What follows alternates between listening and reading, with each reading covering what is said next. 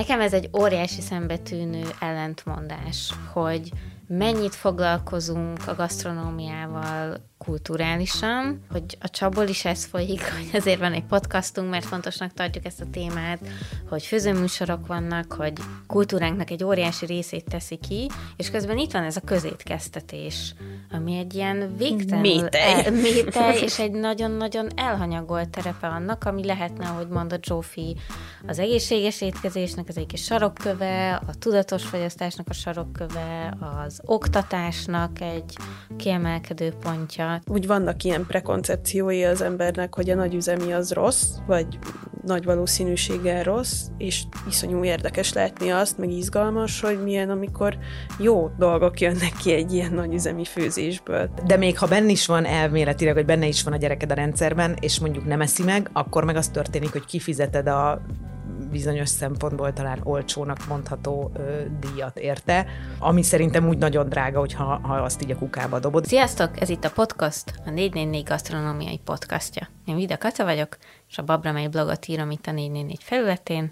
Itt van még a stúdióban. Bajor Zsófi.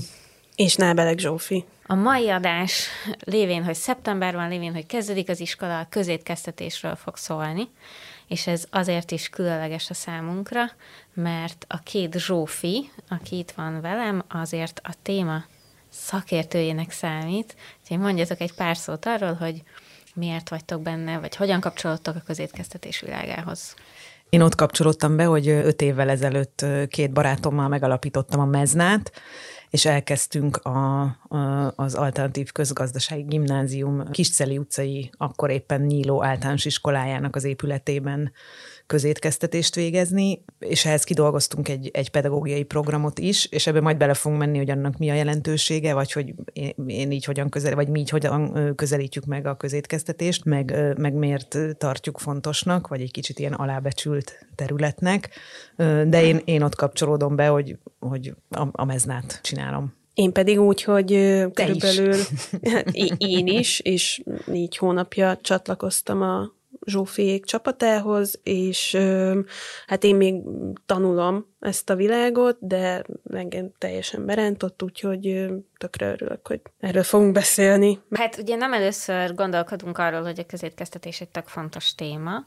A nyáron a Telexnek is volt egy szuper cikk sorozat erről, és most aztán ősszel pláne aktuális lett a téma, attól, hogy nem csak a boltban, meg az éttermekben érezzük az áremelkedést, hanem most szeptemberben a magyar családok jelentős része találkozik azzal, hogy 30%-kal drágul az iskolai közétkeztetés is. Legalább. Legalább. Az alapanyagok, a rezsi, meg az üzemanyag áremelkedések miatt, úgyhogy elsősorban ezzel fogunk ma Plusz a háború. És a, a fő, fő háttérok a háború miatt, szóval ma ezzel fogunk indítani, hogy mit jelent most ez az áremelkedés az életünkben, ez mikből tevődik össze, és aztán átvezünk arra, hogy milyen rend rendszer szintű problémái vannak a közétkeztetésnek, mitől lehetne jó a közétkeztetés, mire lehetne használni a közétkeztetés, és egy boldogabb világban mi minden épülhetne a gasztronómiai kompetencia fejlesztésre? Szerintem az, hogy mi, mit, milyen jelentősége, vagy milyen hatással van ennek az áremelésnek, így röviden én azt gondolom, hogy semmi, mert hogy ez éppen hogy követi azokat az alapanyag, munkaerő és rezsiáremeléseket, ami egyébként bekövetkezett, vagy történik a piacon. Tehát, hogyha ilyen, ettől most bárki azt várja, hogy jobb lesz, meg több lesz a zöld borsó főzelékben a zöld akkor azokat sajnos így el kell keserítenem, mert nem lesz, mert hogy ez tényleg arra elég, és arra is nagyon karcsún elég, hogy, hogy egyszerűen kövesse azokat a, az árváltozásokat, amit egyébként mindenki tapasztal, és amik részben, vagy talán most már így valamennyire beláthatók, de hogy, hogy például a rezsijárak iszonyú kiszámíthatatlanok, kalkulálhatatlanok, és az nagyon nehéz még a közétkeztetésben, hogy úgy hosszú távra terveznek árakkal, akár tanévre, egy egész tanévre, és szerintem most megmondani azt, hogy jövő áprilisban mennyibe fog kerülni a bármi, including rezsi, az lehetetlen. Mitől drágul most 30%-kal a közétkeztetés? Nagyon, legnagyobb részben abból, hogy az alapanyagok drágulnak, ezt mm, talán nem kell olyan hosszan részletezni, mert most bármilyen nem tudom, médiumot elkezd az ember fogyasztani, előbb-utóbb bele a, ütközik valamibe a to, 100 forintos tojástól a nem tudom micsodáig. Ez az egyik része, a másik része, de egyébként ez nem csak 30 százalék, vagy az, hogy most az újságokban az van, hogy 30 százalékkal emelkedik, az egy ilyen átlag, és most itt bele lehetne menni különféle KSH soroknak a, a, a, az, eme, vagy az elemzésébe, de talán nem ez a, nem, nem ez, a, a fókusz. nem ez a fókusz most. De van olyan alapanyag, ami így 50-60 százalékkal emelkedik, a másik összetevője a rezsi, ami így szintén ezen a ponton szerintem ö, szeptember végén ez még mindig tulajdonképpen kalkulálhatatlan, vagy amíg így meg nem jönnek az első, meg második rezsiszámlák a konyhára, és ezzel kapcsolatban is nagyon sok hír van mostanában, hogy, hogy nagyon sok étterem zár be, mert hogy egyszerűen nem tudja olyan drágán adni, ami a költségeit fedezni. A harmadik része pedig a munkaerő, amiről én azt gondolom, hogy az változni fog.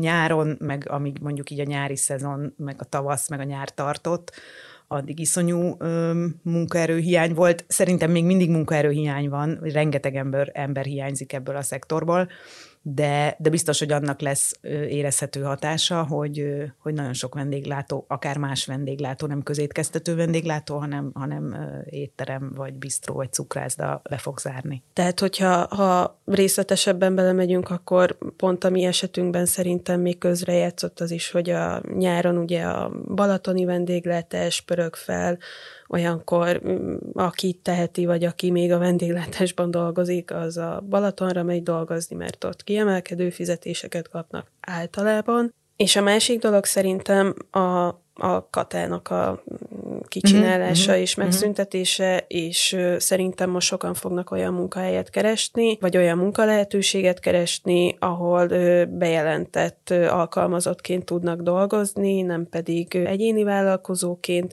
és mondjuk speciál pont a vendéglátás erre alkalmas, vagy remélem, hogy 2022-ben már normálisan bejelentik az embereket a vendéglátásban is, ami korábban nem volt jellemző, de szerintem ez a két tényező még tud lendíteni azon, hogy könnyebben elérhessünk jó szakembereket, Ugyanakkor az még mindig érvényes szerintem, hogy a Covid óta kiderült, hogy rengetegen elhagyták a pályát, és az egyik serpenyőben az van, hogy lehet, hogy lesz lehetőségünk arra, vagy, vagy van lehetőségünk arra, hogy jó szakemberekkel dolgozzunk együtt, a másik serpenyőben meg az van, hogy, hogy lehet, hogy fél év múlva más lesz a minden. Helyzet, a minden.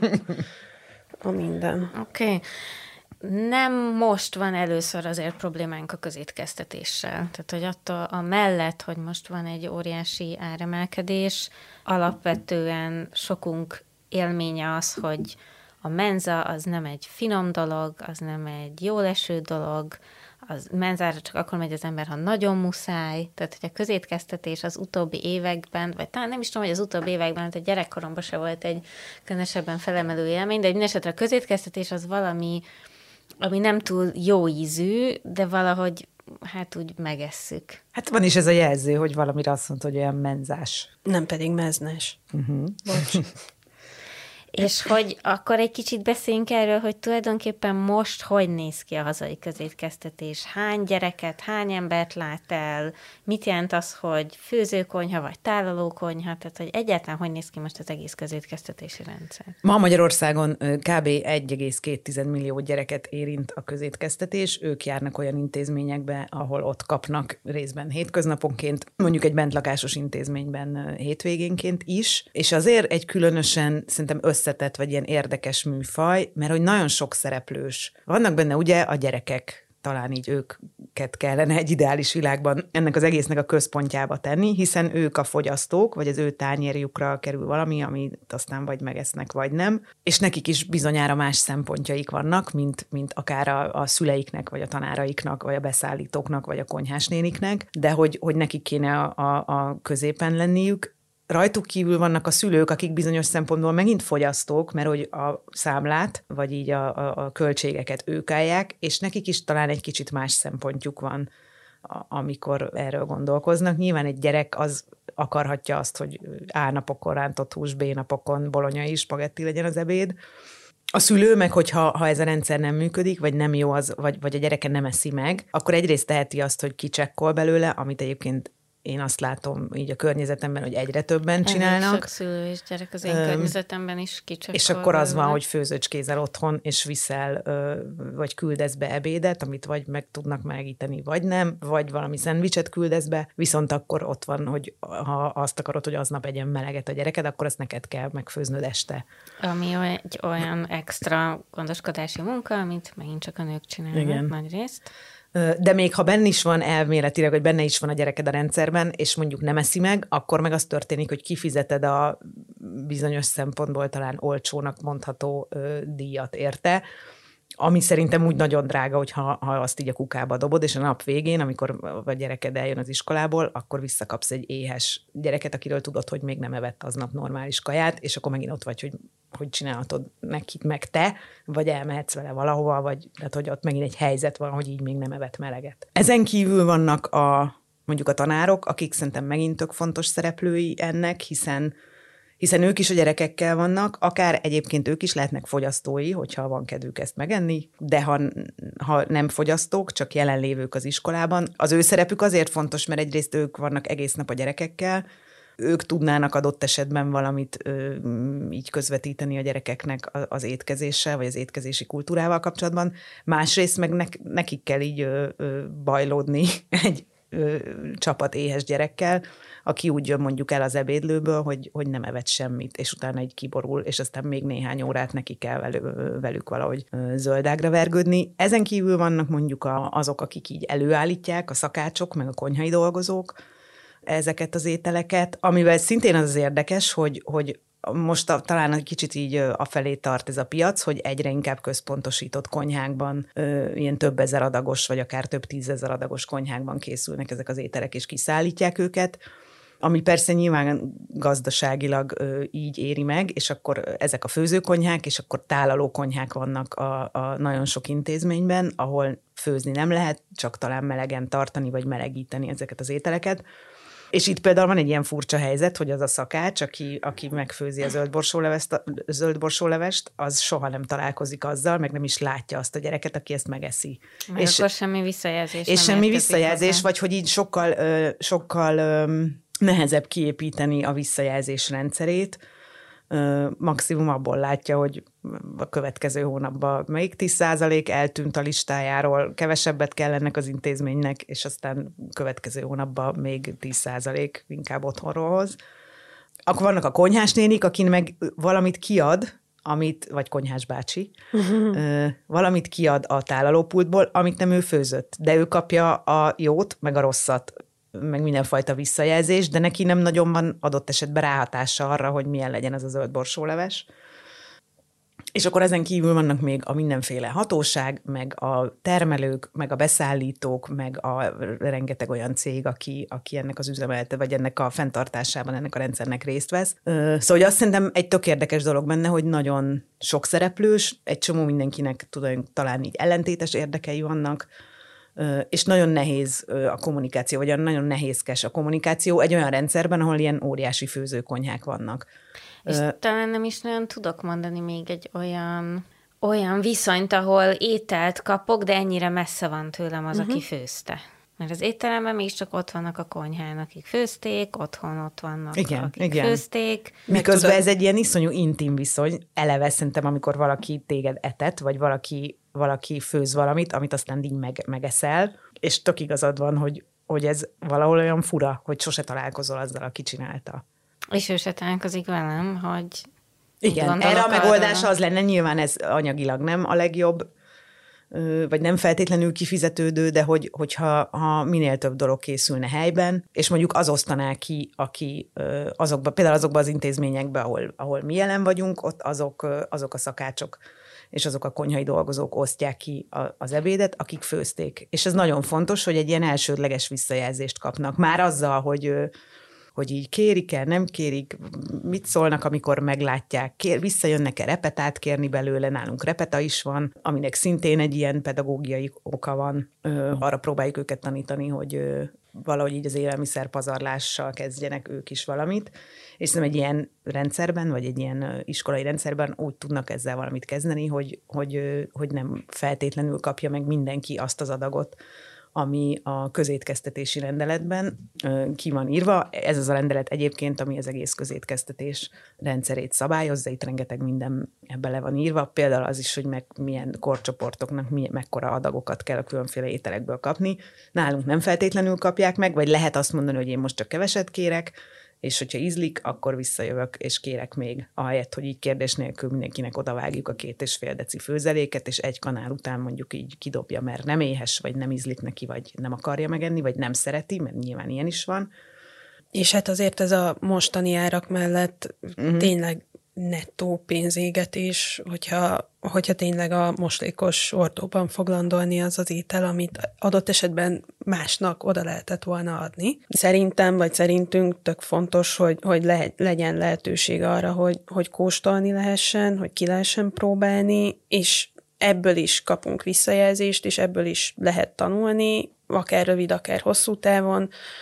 Nem utolsó sorban azért is lenne óriási jelentősége annak, hogy mitvel találkoznak a gyerekek a közétkeztetésben, mert végül is itt alakul ki a viszonyuk a nem otthoni ízekhez.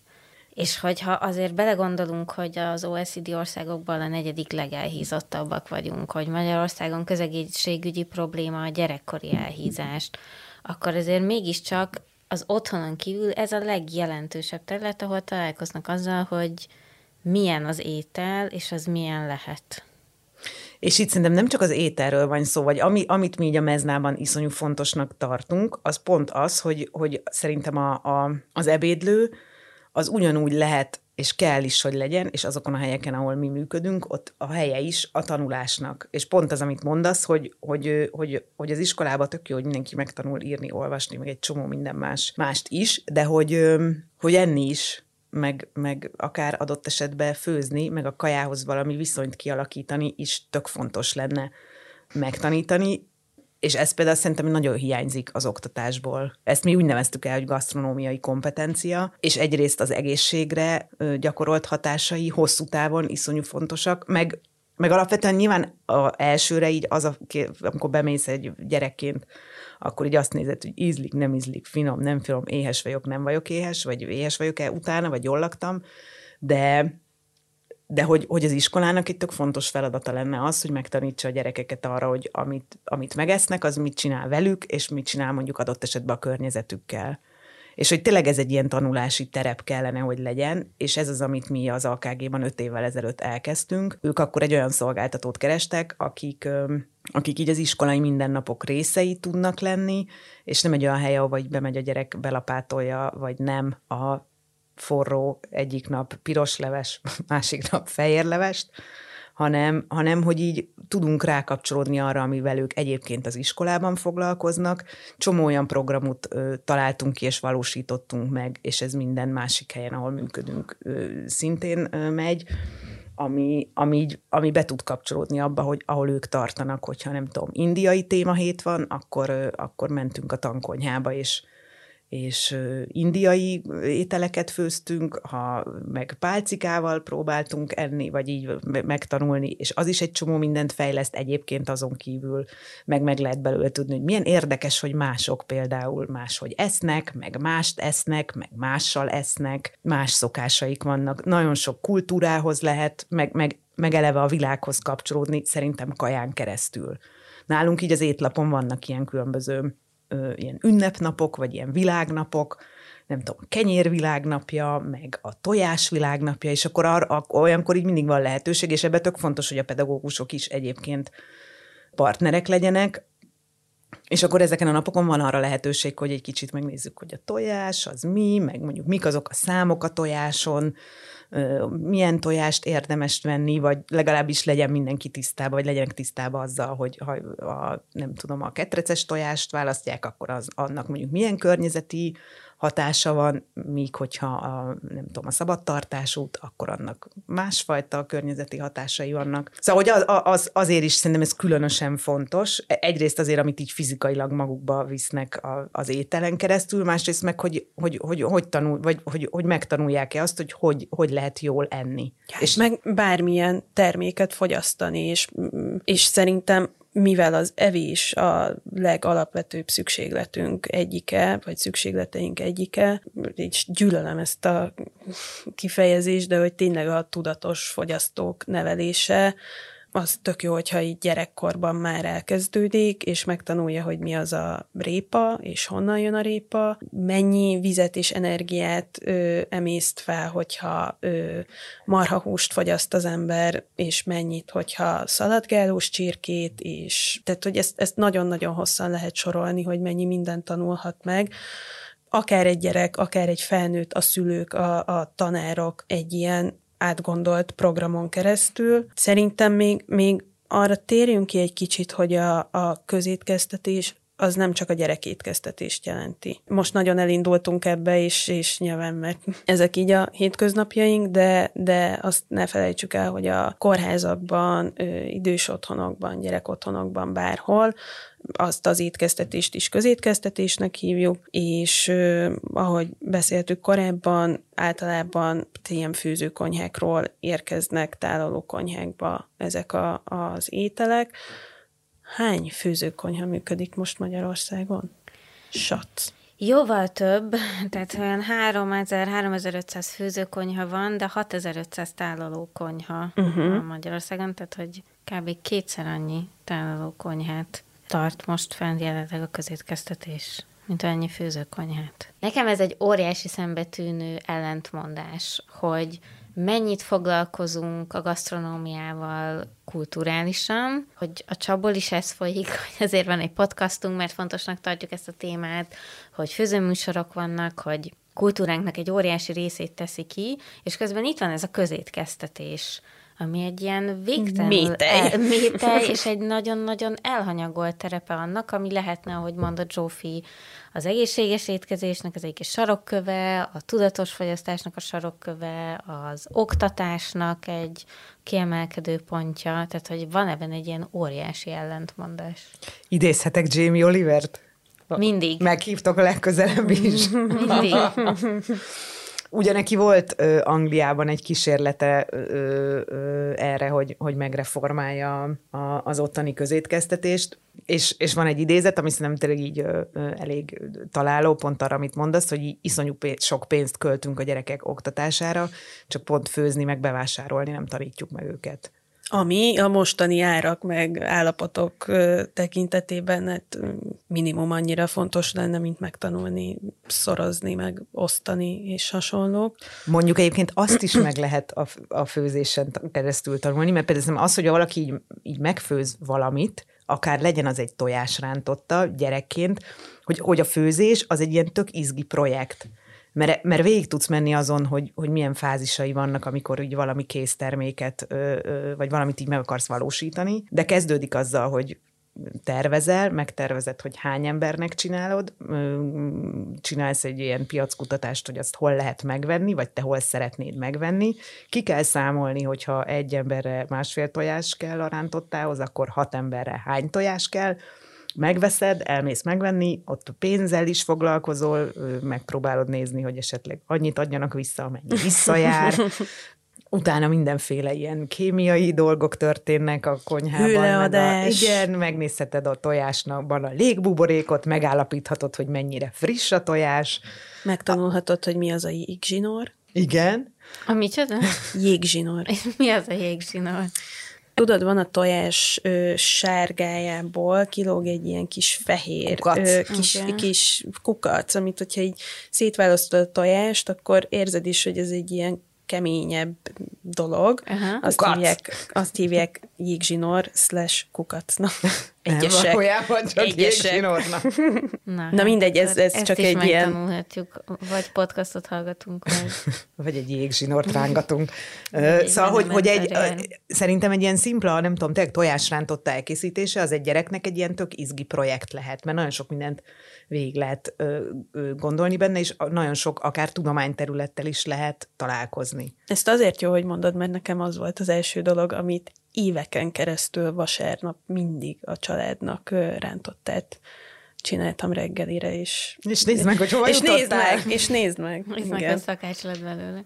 Cukrász. Tehát a közétkeztetés azért egy programszerű társadalompolitikai intézkedés volt arra nézve, hogy mindenkinek jusson valami fajta, ö, valami fajta tápanyag, és az első nagyobb programszerű budapesti rászorulók számára melegített kínáló népkonyhát 1874-ben állították föl, korábban inkább ezek ilyen egyesületi magánkezdeményezések voltak, de az 19. század végén jelenik meg az iskolai étkeztetésnek a legelső nyoma, és hát aztán főleg a világégésekhez kapcsolódik az, hogy a tömegétkeztetés egy szemponttá válik, egy társadalompolitikai szemponttá, hogy az, hogy tömegek mit esznek, az meg fogja határozni, hogy milyen állapotban lesz a társadalom. És ehhez képest vagyunk most itt, hogy az én unokahugaim is arról beszélnek, hogy az osztályból már senki nem megy le a menzára, mert annyira rossz, hogy nem éri meg. Úgyhogy inkább büféznek, vagy nem esznek semmit. Remek hírek. Hát és hogy a közétkeztetés is akkor lett ö, igazán elterjedt, amikor a nők Dolgozni kezdtek. igen, nagy része munkába állt, és már nem a, Felháborító. a fizetetlen munkát végezte otthon, hanem valahol máshol fizetett munkát. Látod? Nem kéne dolgozni, nem lenne szar a közétkeztetés. Nektek egyébként van olyan ö, beégett, hát mondhatnám, hogy trauma, lehet, hogy a Kata kijavítana, de hogy van olyan emléketek. nevezzük.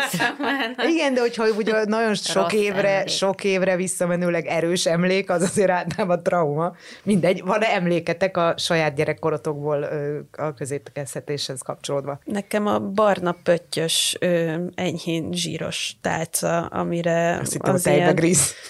Nem, a, tejbe, Ó, hát a tejbegríz az, az, tejbegríz volt, az, az jó csak jó volt. lehetett, mert ha csomós volt, akkor is jó volt, mert lehetett azt úgy rákcsálni benne, és az jó. És hogyha sejmes, akkor meg hát gratulálunk a szakácsnak. Szóval, hogy nálam csak ez, a, ez a, az enyhe ilyen hipó és húsleves szag keveredése, zsíros tálca. Az a barna pöttyös tálca? A barna pöttyös zsíros Ez ilyen, tálca. öm, alumínium evőeszköz, nem? Szag.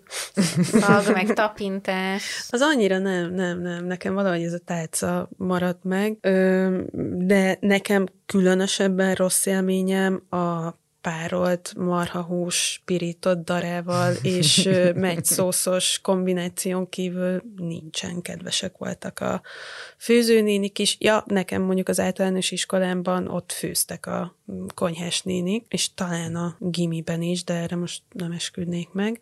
Mindegy, tehát, hogy, hogy nekem rossz élményem nincs, de kiemelkedően jó sincsen, sosem mentem úgy haza, hogy na, tényleg az a sárga bor- borsó főzelék, az még kétszer enném. Hát nyilván kivéve a piskota kocka csokoládé öntötte. Jó, azt, azt nem szerettem. Nem, hát pedig Nem, ez én azt odaadtam másnak. a híre, mint a futótűz, hogy ma piskota kocka lesz. Hát beszéltünk a fagyis adásban erről a viök ö, pasztáról, ami ez a térfogat növelőszer. Na mindegy.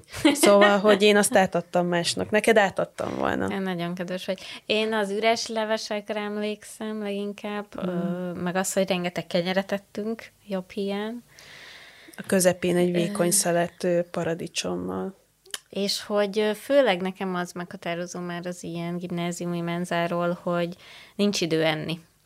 Uh-huh. És ez Nincs. nyilván egy, egy össztársadalmi probléma, hogy az legfontosabb létfenntartó tevékenységünkre nem szánunk időt, de hogy az iskolában is az volt, hogy negyed órás ebédszünetemből még sorban is kell állni, és az idősebbek tudja, hogy eléd állnak, és öt perced van valamit, Forró leves tenni. valamit iszonyú gyorsan magadba lapátolni.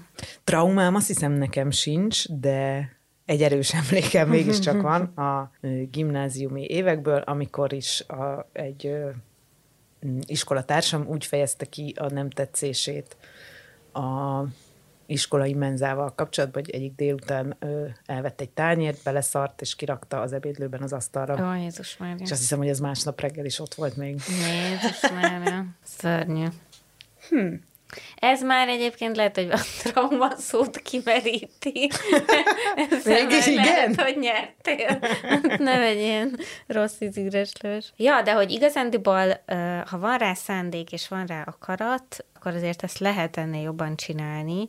Svédországban például a gyermekétkeztetést az önkormányzatok finanszírozzák, és mindenki számára ingyenes és minden iskolának saját szakácsnői vannak, akik a tanárokkal együttműködnek. Vagy szakácsai vagy szakácsai így van, és e, hosszú távon abban gondolkodnak, hogy itt háztartási ismereteket kell átadni, fűzni kell tanítani, minden az, amit mondtok a, a mezna kapcsán is, e, csak egész országosan e, egy pedagógiai programot jelent az, hogy mit tesznek a gyerekek. Hát mi szerintem viszonylag erős hátrányból indulunk, mármint ilyen ö, országos közétkeztetés szempontból, mert ö, 1962-ben volt egy belkereskedelmi miniszteri utasítás, amely szerint Venesz József és Tóros Emil ö, egységes vendéglátó receptkönyv és technológia című kötetéből kellett fűzniük. Nem tudom, hogy mennyire ismeritek a Venesz Tóros párosnak a munkásságát. Kispárnám alatt van. Kispár, igen, bekeretezve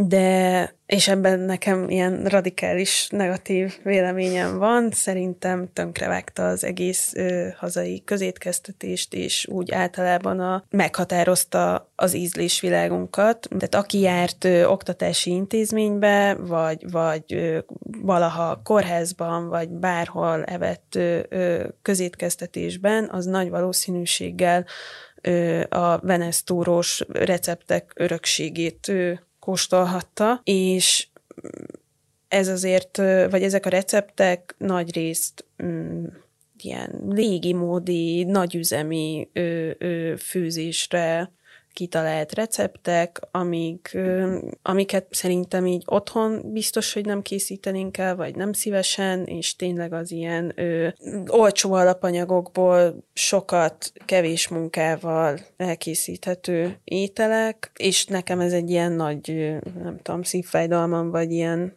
mm, berögzült véleményem, hogy, hogy baromi nagy károkat okozott ez hosszú távon, és tényleg nem csak a, abban a tekintetben, hogy az iskolában vagy bármilyen intézményben mi teszünk és mi kerül elénk, mert hogyha 12 évig, vagy jó esetben, hogyha 12 évet eltöltünk oktatási intézményben, és ezeket a típusú ételeket fogyasztjuk, és megszokjuk azt, hogy masszívan lisztel van besűrítve a borsófőzelék, hogy mocsingos egy kicsit a pörkölt, hogy, hogy tényleg a, a zöldségeket ritkán látott az egész kínálat, akkor a, akkor a saját életünkben, vagy a magánéletünkben is ezekhez az ízekhez szokunk hozzá, és az egész ilyen gasztronómiai, vagy ilyen, ilyen fogyasztási kultúránkat meghatározta, és körülbelül, hát nem is tudom, mikor, mikor kezdődött ebben változás. A, a, a közétkeztetés tekintetében 2009-ben volt a, a Budai Péternek uh-huh. egy ilyen kísérlete azzal kapcsolatban, hogy a, hogy a menza lehet jó. Lehet jó akkor elindultak ezek a közétkeztetési szakácsversenyek, ami, Tényleg, ami egyébként megint egy valahogy arra való talán törekvés, hogy e, az, hogy ott milyen a minőség a közétkeztetésben, annak annak legyen ö, jelentősége. Igen, de és ez öt évvel ezelőtt elindult a mezna. A mezna, igen. De ezek a közétkeztetési versenyek sajnos nem arról szólnak, amiről kéne szólniuk, hogy 500 forintból olyan háromfogást ö, főzenek a versenyen induló szakácsok, amit valóban mondjuk akár egy iskolában vagy egy óvodában ö, gyerekek elé lehet tenni, hanem ennek bárki utána nézhet, hogy milyen ö, ételek szerepeltek sokszor az ilyen versenyeken, a grenátalmától kezdve a, nem tudom, vaníliás, tonkababos, mit tudom én, milyen szószos hús, ami teljesen irreális, tehát, hogy arra egy tök jó ilyen új gyakorlat, hogy ő, ő a szakácsok kitaláljanak tényleg pár száz forintból három fogást, és ezt prezentálják egy zsűri előtt, de szerintem akkor ezt ne hívjuk közétkeztetési versenynek, hogyha nem, nem olyan... Hát nem is csak feltétlenül, hogy gyerekek a közönség, hanem ami a valóságban, vagy így, így a, a hétköznapokban megvalósíthatatlan, és tényleg inkább abból az 500 forintból legyen egy ö, tisztességes húsleves, vagy egy olyan, mit tudom én, csirkepaprikás, ami tényleg finom és csirke van benne, és tök jól nokedli hozzá. Mm, nem pedig így nem virtuózkodni olyan alapanyagokkal, ami tök menő, hogy ki lehet hozni 500 forintból, de attól még nem került, vagy nem, nem haladt előrébb így a fejlődése a közétkeztetésben a, a, az ételeknek. Én összességében azok alapján, amit mondtak, azt gondolom, hogy a Venesztúrós kötet, meg miniszteri utasítás az annak az adott korszaknak volt a társadalompolitikai célja, hogy egységes laktató tömegétkeztetés legyen, és hogy talán az a fő probléma, hogy ez azóta se került. Igen. Valódi és releváns megújításra. Hiába Mint le... ahogy voltak ilyen szakácskönyvek a nem közétkeztetésben is. Tom, a Pető Gyula tankönyv, amiből az Igen. összes szakácsot ö, oktatják, vagy oktatták, remélem. De hogy aztán azokon már így tovább léptünk, és hogy itt meg valahogy nem történik meg a tovább lépés. Ami még egy ilyen fontos szempont, hogy még, még van egy nagyon fontos szereplője ennek az egész közétkeztetési rendszernek, vagy szereplői, ők a, az élelmezés vezetők. Igen. Ők azok, akik a különböző konyákon például azért felelősek, hogy, a, hogy itt összerakják az étlapokat, összerakják a receptúrákat, és aztán, aztán felügyeljék azt, hogy ez tényleg úgy készül el. És ebből szerintem ez az első két elem fontos, hogy, hogy, hogy azokat a, a szakembereket is tök jó lenne képezni, akik, akik uh-huh. a, mhm. az élelmezésvezetők, mert amíg ők eb, ezekből a könyvekből, vagy ezekből a forrásokból hát dolgoznak, igen. addig így akkor adtunk a szarnak egy pofont, semmi nem fog változni. Igen. Az hogy, elmúlt 60 évben. Igen, tehát hogyha őket, ő, az ő, ő képzésük is esetleg változna, én egyébként az elmúlt években elvégeztem egy ilyen OK és tanfolyamot. És milyen könyvből tanultál? Mm, nem tudom, de ilyen elég réginek nézett ki a dizájnja alapján, nem emlékszem a címére. De hát ott is ugy, ugyanez a szemlélet volt, szóval, hogy semmiféle, vagy én ott, ott azon az egy tanfolyamon, nem akarok általánosítani, mert lehet, hogy azóta van ilyen, de azon az egy tanfolyamon én így nem, nem találkoztam semmiféle ilyen előremutató, arra azt meg aztán végképp hagyná, hogy esetleg valami ilyen, ilyen környezetvédelmi, vagy ilyen zöld, vagy ilyen klíma mm-hmm. szempontok megjelentek ö, ö, volna. Mik azok a dolgok, amikre az élelmezésvezetőknek elsősorban figyelni kell? Tehát, hogy mm, hogyan írják meg a receptúrákat, vagy a, a menüket? Hát a menü, és ott, ott, a lényeg, hogy hogyan írják meg a menüket. Van ebben a törvény, vagy ebben a rend, közétkeztetési rendeletben egy ilyen változatossági mutató, ami így arra lenne hivatott, hogy ne ilyen copy-paste alapján ugyanaz legyen két hetente a kaja. Nyilván az lenne a legegyszerűbb, meg a, a, az a kevés a dolog. De hogy ez tök fontos lenne, hogy így mi, mi, mit eszünk. Itt kezdődik, hogy mi kerül az étlapra. Tavasszal, Ö, hát ugye nyáron az egyébként egy nagy szívfájdalmam ebben a szektorban, hogy amikor így minden, tényleg így burjánzik a... Amikor minden terem, a, minden terem, és minden van, és mindenhez így hozzá lehet jutni, akkor így, akkor be van zárva minden, vagy hát így a nyári táborokat kivéve de mondjuk, hogy egy étlap szezonális legyen, az most már egy ilyen a legócskább közhely, hogy így szezonális alapanyagokból főzünk.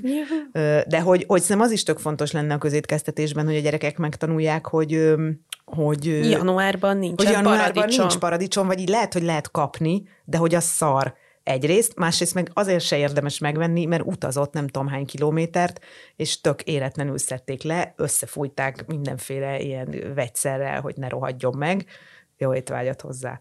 Szóval, hogy ez is egy ilyen fontos része lenne, és közben meg ez meg nagyon összecseng egy csomó olyan ilyen klíma tudatossági szemponttal, ami egyébként meg manapság és nem akarom azt mondani, hogy divatos, mert az kicsit ilyen lenéző lenne, hanem inkább fontos, és hogy egyre uh-huh. gyakrabban hallható. Most ezt miért kezdtem el mondani? Azért. Ja igen, az élelmezés vezetők, hogy, hogy az egy ilyen kulcspozíció, és azt hiszem, hogy az ő szerepük is eléggé alá van, vagy alul van értékelve. Mert hogy az volt a kérdése a nábeleknek, hogy ők tulajdonképpen Mi, így a sózsír, nem tudom, cukor arányt írják elő? Vagy... Azt is, nyilván ezekben így egy csomó mindent meghatároz a, a rendelet, amiben vannak, ez egy 2014-es rendelet, 2022 van. Jó, de legalább nem egy 1962-es. ja, ja, ja, aha, tök jó, akkor maradjon így. Bocs. És hogy vannak benne fontos, meg jó dolgok, de vannak benne olyan, olyan részek szerintem, ami talán így felülvizsgálatra lenne érdemes, és abban, vagy közben meg azt is tudom, hogy ez egy, ez nyilván az, az ha mondjuk így az iskolákat vesszük, vagy a, vagy a, a, a, a gyere, olyan intézményeket, ahol gyerekek vannak, hogy ez az ország minden részére és minden társadalmi és gazdasági helyzetben lévő intézményre és gyerekre vonatkoznak, és tök nehéz így differenciálni, de valahogy az is tök jó lenne, hogyha ha differenciálna vagy lehetne differenciálni, mert nyilvánvalóan teljesen más szempontok vannak egy nagyvárosi magániskolában. Mi például többnyire ilyen helyeken működünk, aminek egyébként egyrészt az, az is az oka, hogy ahogy elképzelhetetlen volt, vagy ilyen fura volt mondjuk 30 évvel ezelőtt, hogyha valaki így magániskolába ment, és akkor azt így nem nagyon értették, hogy jó, de miért kéne az oktatásért fizetni, és ma, most Lol. már legalább, most már legalább oda eljutottunk, hogy, hogy oké, okay, igen, a jó, vagy más minőségű oktatásért igenis fizetni kell, és ezek az iskolák, vagy Most már az... inkább a bármilyen. és ezeknek az intézményeknek egy része eljut oda, már hogy a magánintézmények egy része eljut oda, hogy egyszerűen nem engedheti meg magának, hogy, hogy, hogy szarkaját adjon, és azok a szülők is eljutnak oda, hogy akik ki tudják fizetni a magániskolát, vagy a magánóvodát, ők is eljutottak oda, hogy de akkor a jó kaját is fontos, hogy kifizessem, és nagyon nem mindegy, hogy mit teszik a gyerekem. És nyilván ez az egyik vége, a másik vége meg a, nem tudom, a leszakadt kistérségben a, a, azok a gyerekek, akik így a, a, akik meg pont a közétkeztetésben esznek, és otthon nem feltétlenül, és legközelebb akkor eszik meleget, amikor péntek után, amikor visszamegy hétfőn az iskolába. És biztos vagyok abban, hogy, hogy ez teljesen máshogy kell, akár mondjuk így a, ezt az ilyen gasztronómiai kompetencia részét átadni, vagy megközelíteni ott, ahol így a, tényleg akkor van hús, amikor az iskolában van hús, tehát ott valószínűleg nem a húsmentes hétfőt kell így idegből nyomatni. Igen, szóval, hogy, hogy, hogy tök fontos lenne szerintem ez differenciálni.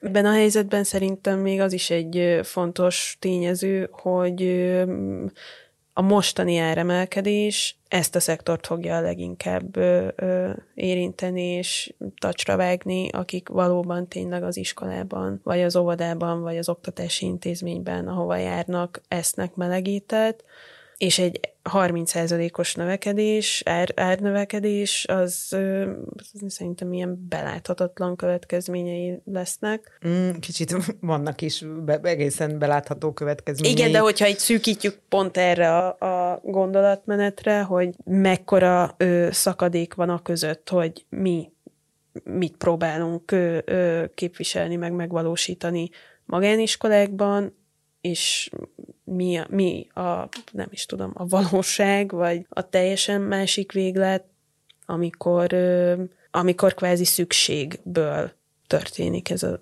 közétkeztetés, vagy, vagy abban a, az abban való részvétel.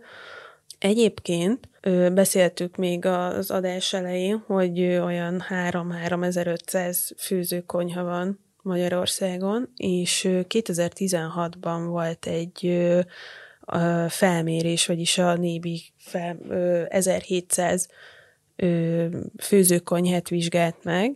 Ebből az 1700 főzőkonyhából nagyon-nagyon kevés, 124 főzőkonyha kapott jeles minősítést, 529 konyha kapott jót, ami hát azért az 1700-ból szintén elég kevés, azt írták, hogy az általuk ellátottak száma meghaladja a 370 ezer főt, azaz a vizsgálattal érintett ellátottak közel felét, ami egy olyan retek teljesítmény, és nem tudok disztingválni ezzel kapcsolatban, hogy 780 ezer embert ö, ellátó konyhák vagy konyha közül komolyan 124 volt összesen, akik, akik jelest kaptak ezen a fantasztikus felmérésen.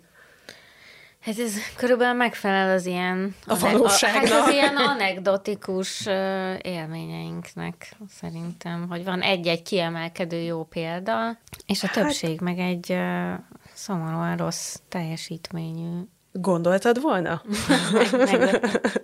De hogy egyébként vannak jó példák, tehát hogy azért külföldön például ha ismeritek a Dan Giusti nevét, neki van egy klassz kezdeményezése Amerikában, ő korábban a Nomának, a világ egyik legjobb éttermének volt a főszakácsa, ki ott hagyta ezt az egész fine dining világot pont azért, hogy az energiáit a közétkeztetésbe fektesse, és neki van egy klassz brigád nevű kezdeményezése, és már több iskolában is főznek, és rendszeresen posztol arról, hogy hogy nyilván az egy probléma, hogy hogy lehet a gyerekekkel a nem megszokott, nem otthoni ízeket megszerettetni, de ha van erre szándék, ha van erre program, ha van erre ötletesség, akkor egyáltalán nem egy megvalósíthatatlan dolog.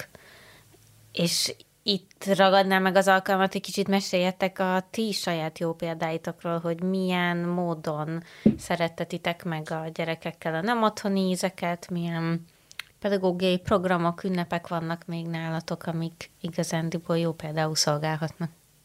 Mm, nekem a kedvencem, és már mondtam korábban példákat, nekem a kedvencem az, az adventi naptárunk, a meznás adventi naptár, amiben nem csoki van, hanem fűszerek, és ez például az egész decemberi étlap úgy van összerakva, hogy minden napra van egy, van egy fűszer konkrétan a naptárban, ami így fizikai valójában is kint van az ebédlőkben, és akkor ha mondjuk a december egy a rozmaring, akkor, akkor az aznapi menüsorban sok helyen előbukkan, vagy oda olyan ételeket válogatunk, ami, ami így a rozmarinkhoz valahogy kapcsolható, vagy jól áll neki a rozmaring, és ilyenkor ki is van téve a pultra, a friss verzió, a szárított vagy porított verzió, meg lehet kóstolni, vagy meg lehet szagolni, és akkor így például végig lehet menni, nem tudom, pont a decemberben olyan sok tanítási nap sajnos nincs, de, de hogy minden napra van egy fűszer, és akkor azt mondjuk, hogy ezt a szakácsok kinyitják reggel a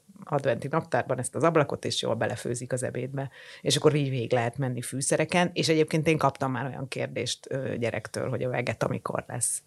És akkor ez egy kiváló alkalom volt, hogy elbeszélgessünk arról, hogy a vegeta az nem egy monofűszer. Meg, meg tényleg nagyon sok minden, csak vannak ezek a, most ebből így nem sorolom tovább a, a ilyen más nemzetek, meg vallások, meg mindenféle alapanyagoknak a világnapjait, de például a maradékot mérjük közösen, van egy maradékmentes március nevű programunk, amit egyébként így most már a Greenpeace-szel együtt csinálunk, ami így azt jelenti, hogy minden osztály márciusban egy hétig méri a maradékot, és ez úgy néz ki, hogy kap mindenki egy ilyen 5 literes vödröt, egy mérleget, és mindenki oda szépen belekapargatja a, a tányérból a maradékot, és megmérik.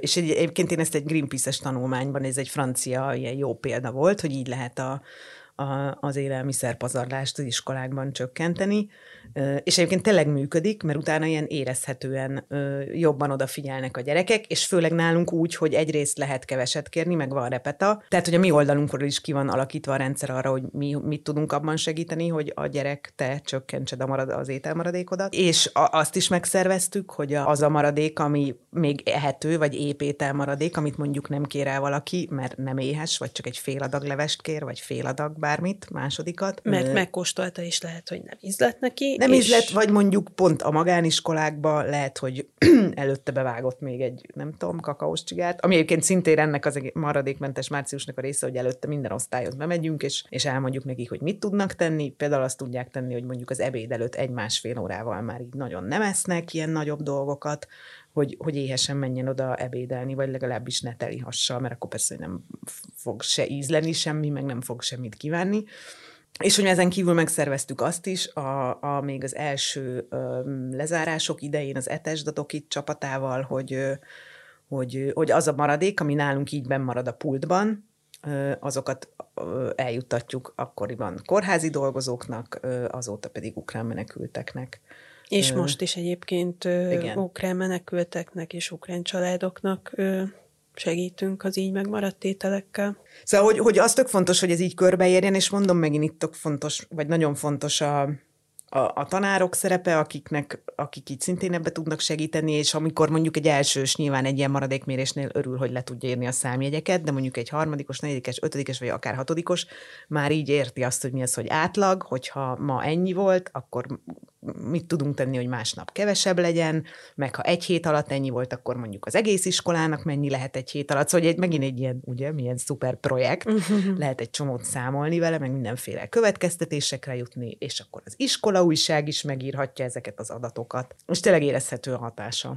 Nábelek, neked van olyan kedvenc programotok, ami különösen közel áll a szívedhez, hogy ilyen jó gyakorlatnak tartod? Hát én még, tehát hogy tényleg még csak az elején vagyok, meg most vagyunk még csak szeptemberben, tehát hogy most még viszonylag kevés ilyen programot ö, kezdtünk el. Nekem inkább így élményeim vannak, amik, amik nagyon meghatározóak, meg amiket így nagyon szeretek. Én dolgoztam étteremben korábban, és egyébként nagyon hiányzott az a világ, és barom jó látni, hogy, hogy milyen egy ilyen nagyüzemi működés úgy, hogy úgy vannak ilyen prekoncepciói az embernek, hogy a nagyüzemi az rossz, vagy nagy valószínűséggel rossz, és iszonyú érdekes látni azt, meg izgalmas, hogy milyen, amikor jó dolgok jönnek ki egy ilyen nagyüzemi főzésből. Nekem most a kedvencem, én olyan ö, területen dolgozom az iskolában, ahol főleg ilyen alsó tagozatos és óvodás gyerekekkel találkozom, a velük való kommunikáció iszonyú izgalmas, mert, mert ahogy beszéltük is, nagyon-nagyon sok mindent lehet abból tanulni, hogyha, hogyha találkozol a fogyasztóval, konkrétan azzal, aki ténylegesen el fogja fogyasztani azt az ételt, amin a szakhegy reggel hat óta dolgoznak, és ki lehet hozzájuk menni, és lehet velük beszélgetni arról, hogy éppen miért az üres rist akarják enni levessel, vagy éppen leves nélkül, vagy miért ízlet neki a főétel, és ö, iszonyú okos gondolataik vannak. Ilyen játékosan lehet velük beszélni arról, hogy, hogy hogyha azt gondolod, hogy nem szereted a gyümölcslevest, mondjuk ma pont volt egy ilyen, hogy ő nem szereti a gyümölcslevest, úgyhogy nem fog kérni csak ő, ő, még három szelet húst, akkor egy kicsit meccseltünk, hogy mi lenne, hogyha adok neki egy kis kanalat és megkóstolja. Guess what? megkóstolta, és tetszett neki, és utána megette. Az, hogy van lehetőség arra, hogy beszélgessünk, és, és mm, legyen egy ilyen kapcsolat a gyerekek, tehát a fogyasztók és a konyha között, nekem, nekem azt hiszem, hogy így ez most így az elsődleges ilyen top-top-top. És akkor tulajdonképpen titeket most hogy fog érinteni, titeket, mint meznát ez a közétkeztetési áremelkedés? úgy érint, hogy az egyik telephelyünkön, ami az Alkági Kisceli utcai általános iskolai épülete, ott szeptember végével befejezzük a működést, mert hogy olyan árakon, vagy olyan áron tudnánk a tőlünk megszokott minőséget és a tőlünk megszokott szolgáltatást nyújtani, amit az iskola vezetősége nem fogadott el, vagy sokalt, ami azt jelenti, hogy azokban az intézményekbe se tudunk szállítani, ez hét másik intézmény, ahol, ahová a Kisceli utcából főztünk, viszont óriási lelkesedéssel folytatjuk a nyáron megkezdett munkát Nagykovácsiban, az amerikai iskolában, ahol, ahol szintén így nagyon nyitottak, meg befogadóak, meg iszonyú támogatóak a, az iskolavezetői is, meg a családok is, és, és tökre értik azt, hogy mi a koncepció, és értik azt, hogy ez miért fontos, különösen, különösen egy ilyen iskolában. Hát bárcsak az állam is vállalná ezt, mint állami feladatot, a közétkeztetést. Meg az oktatás. Meg az oktatás, meg az egészségügyet. By the way. Köszi, hogy itt voltatok, ez volt a podcast, a 444 gasztronómiai podcastja. Ha kérdésetek, hozzászólásatok, javaslatotok van, akkor írjatok nekünk a podcastkukac444.hu-ra. Sziasztok! Sziasztok! Sziasztok!